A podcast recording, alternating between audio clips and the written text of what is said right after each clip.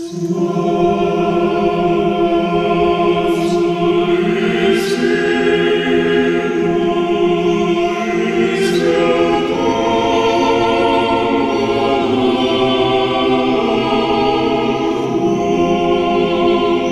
17 juli is het 100 jaar geleden dat Nicolaas II, de laatste tsaar van Rusland, met zijn hele gezin vermoord is in Jekaterinburg in de Oeral.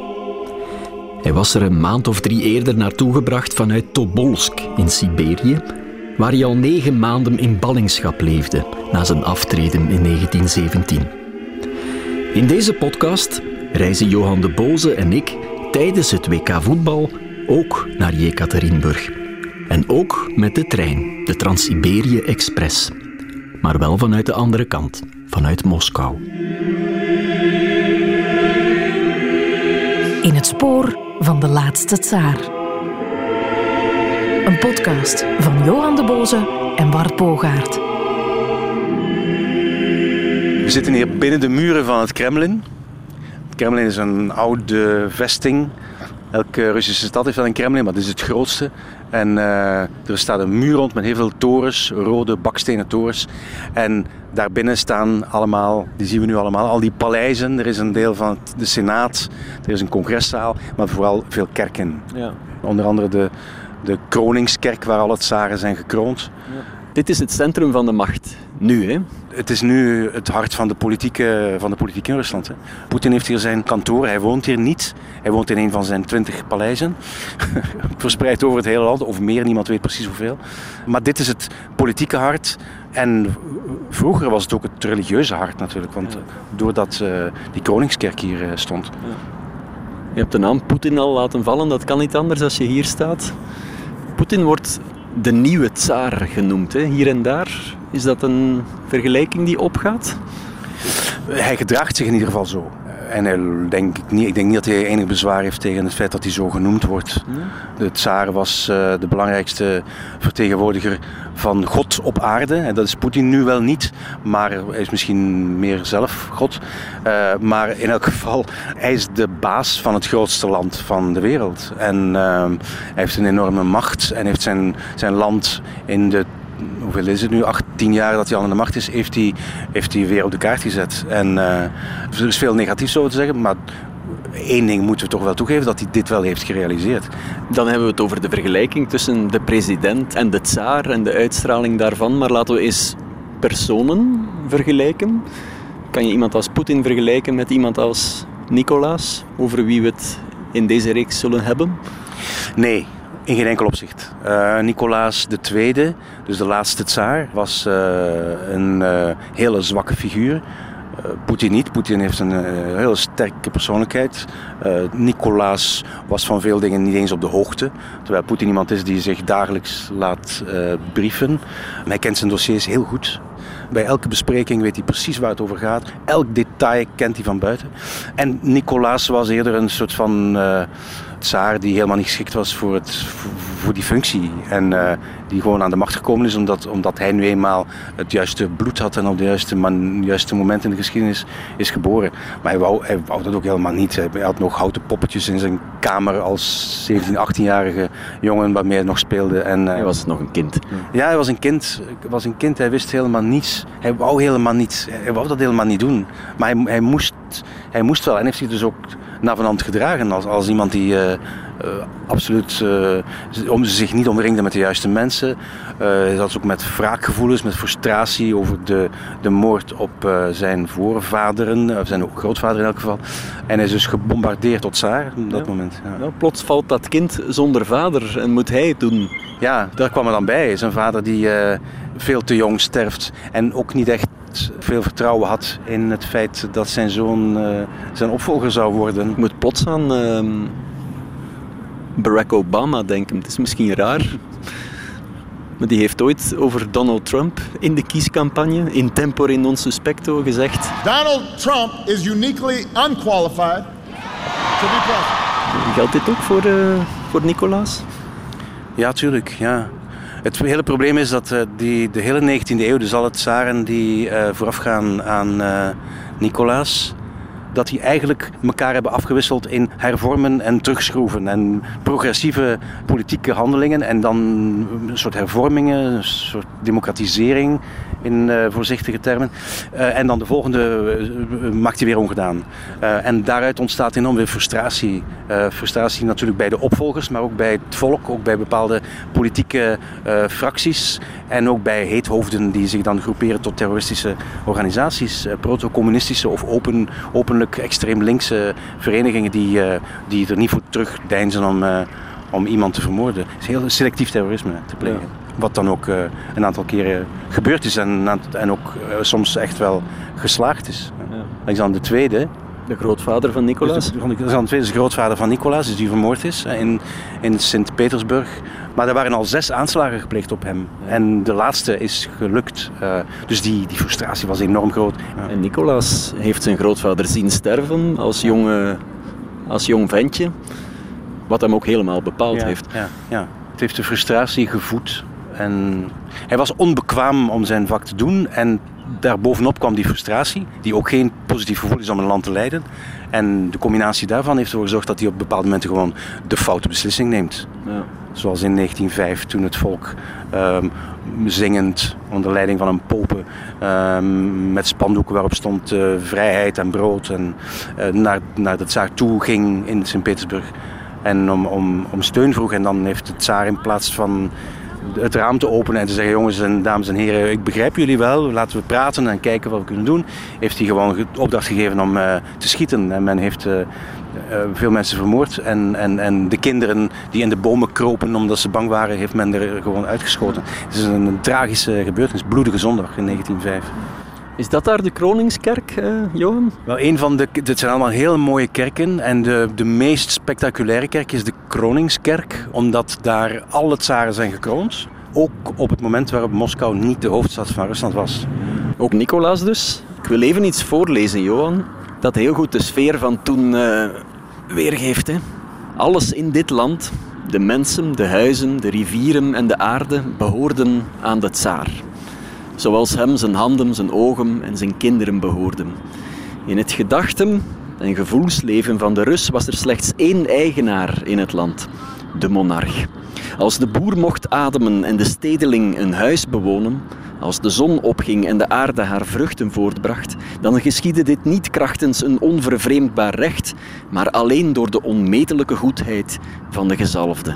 En zou de toren van de tsaar over het volk uitbreken, zou de tsaar de hutten van de boeren in brand steken of zich hun kinderen en vrouwen toe-eigenen, dan was dit geen onrecht, nee, maar alleen het terugnemen van een vrijwillig verleend privilege. En dat krijgt die jonge, frele man op zijn schouders. Ja. ja, de tsaar was de plaatsvervanger van God. De, de, de enige persoon uh, op aarde die, dit, die God mocht vertegenwoordigen. Zo werd het letterlijk gezegd. Dus niet, het, is niet, het is geen fabel. Het is echt, uh, en er, ik neem aan dat die tsaar, op het moment dat die tsaar wordt, dat hij dat dan ook wel uh, heel erg meent en er heel hard in gelooft. En, eh, en zich ook zo gaat gedragen. En, eh, en dus onfeilbaar is en zich onfeilbaar voelt. Hij voelt zich misschien onfeilbaar en uit deze woorden blijkt dan misschien dat mensen dat ook echt vinden. Dat de boeren zelfs hun eigen vrouw zouden afstaan aan hem zonder daarover te klagen. Maar goed, er waren toch al wel sombere wolken aan het samenklitten boven het Kremlin. Ja, toen hij aan de macht kwam, toen was Rusland, het ging economisch niet zo heel slecht. Er was dus een industrialisering op gang gekomen. Eh, de financiële markt deed het niet slecht. De Trans-Siberië-express werd aangelegd. Daar gaan we het nog uitgebreid over hebben. Uiteraard, ja. Er waren zelfs aandelen in het buitenland, mensen die aandelen, Russische aandelen kochten omdat die waardevol waren, dat die heel belangrijk waren. Dus economisch ging het niet heel slecht, maar het rommelde wel omdat uh, vanaf de tweede helft van de 19e eeuw uh, was er een van de belangrijkste dingen die toen gebeurde, dat was de afschaffing van de lijfeigenschap. En dat betekende dat heel veel mensen, wij denken van ja, slavernij wordt afgeschaft. Maar het was niet slavernij in de zin van de slaven zoals wij dat clichématig kennen. Maar lijfeigenen waren mensen die behoorden, hun lijf was, behoorde toe uh, aan een heer. Die mensen hadden een die hadden een dak boven hun hoofd, ze hadden werk, ze hadden een inkomen, beperkt, maar goed, ze werden beschermd. Ze hadden van alles. Ik overdrijf nu een beetje overdreven, want er waren natuurlijk ook enorm veel wantoestanden. Maar al die duizenden, honderdduizenden, miljoenen mensen die daarin zaten, die werden van de ene dag op de andere die, hadden die niks meer. Die hadden geen, geen huis meer, geen dak meer boven hun hoofd, geen werk meer. En die kwamen dus op, op straat terecht. En uh, die hadden geen, dat, niks meer te eten. Er is een soort van proletarisering ontstaan. Een, een, echt proletariaat van mensen, van nietsnutten, van, van straatlopers, van daklozen, van gefrustreerde mensen die hun heil zochten in allerlei middelen zoals heel veel uh, drank. Um, en dus ook geweld daardoor. Dus was een hele massa, een grijze massa, die, die uh, in de straten van Rusland uh, rondhingen en die niet wisten wat te doen. En die makkelijk te bewegen waren tot opstandigheid of tot gewoon, tot gratuit geweld. En daarin broeide heel veel en onder andere daaruit is een gedachtegoed gegroeid van we moeten hervormen. En we kunnen alleen maar hervormen door hard op te treden, door agressief te zijn. Door... Het was de ene moord na de andere ja. in, in hoge kringen. Ja. En die moorden werden gepleegd en dan het, het resultaat was altijd dat de tsaar samen met zijn staf eh, militaire staf, dat die uh, onmiddellijk maatregelen nam om alle vorige hervormingen weer ongedaan te maken en om, om weer repressiever te zijn. Dus een, ja. constant reactionair beleid uh, dat alsmaar erger werd. En, ja. Hij had ook gewoon weinig voeling. Hè? Hij, hij, wist amper wat er, wat er gebeurde. Want bijvoorbeeld op de dag van zijn kroning, hier gebeurt er hier wat verder een onwaarschijnlijk drama. Hè? Ja, de dag van de kroning is natuurlijk altijd een feestdag. Hè? Want uh, vergeet niet dat uh, een groot deel van de bevolking ook wel geloofde in die tsaar. Ik, ik doe het nu even uitschijnen alsof iedereen uh, ja, ja, dakloos was en hervormingen wou.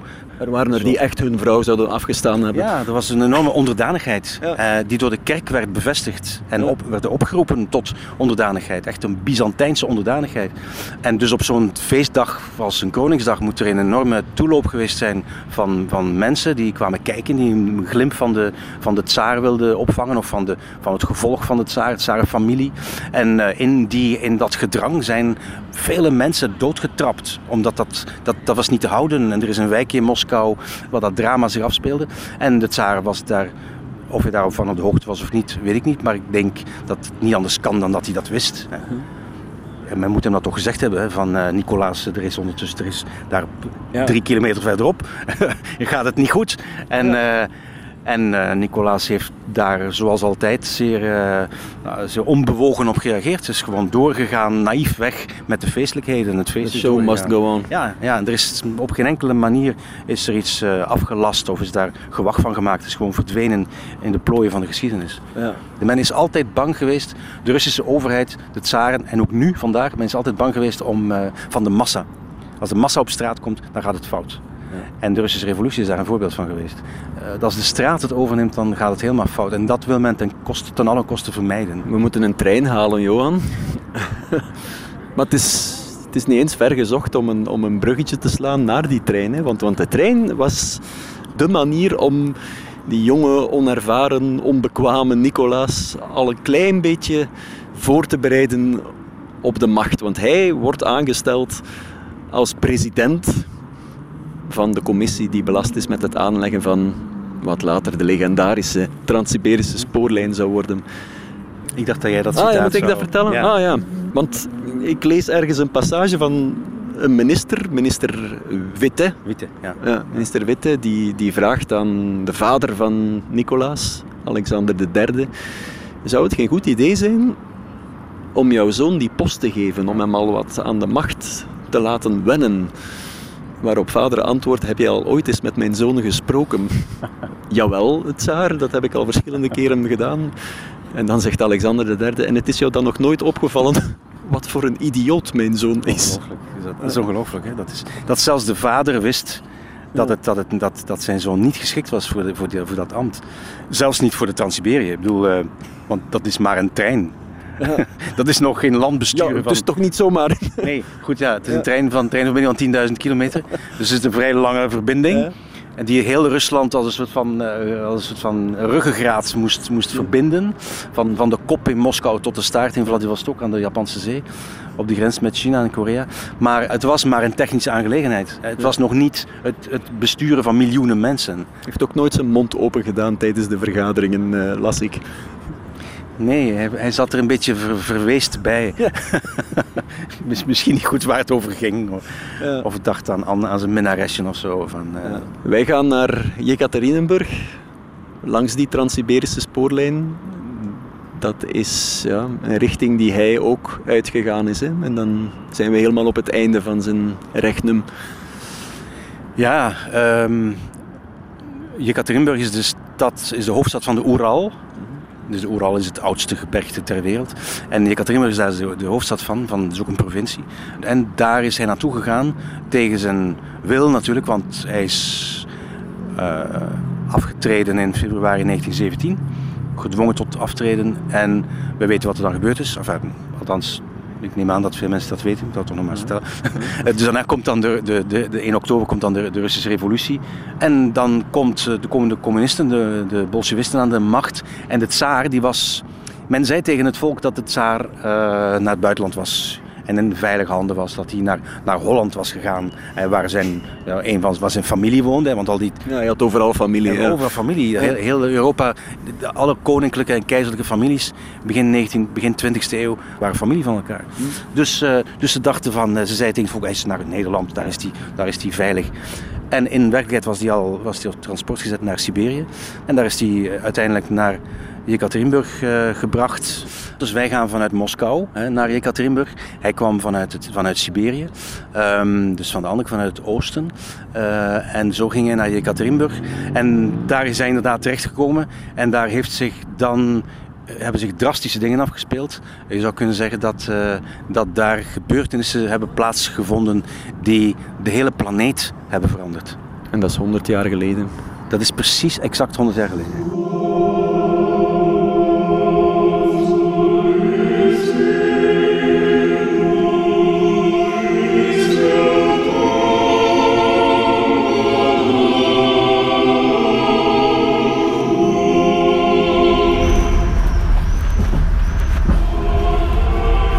Volgende aflevering van deze podcast zal je de trein horen dokkeren.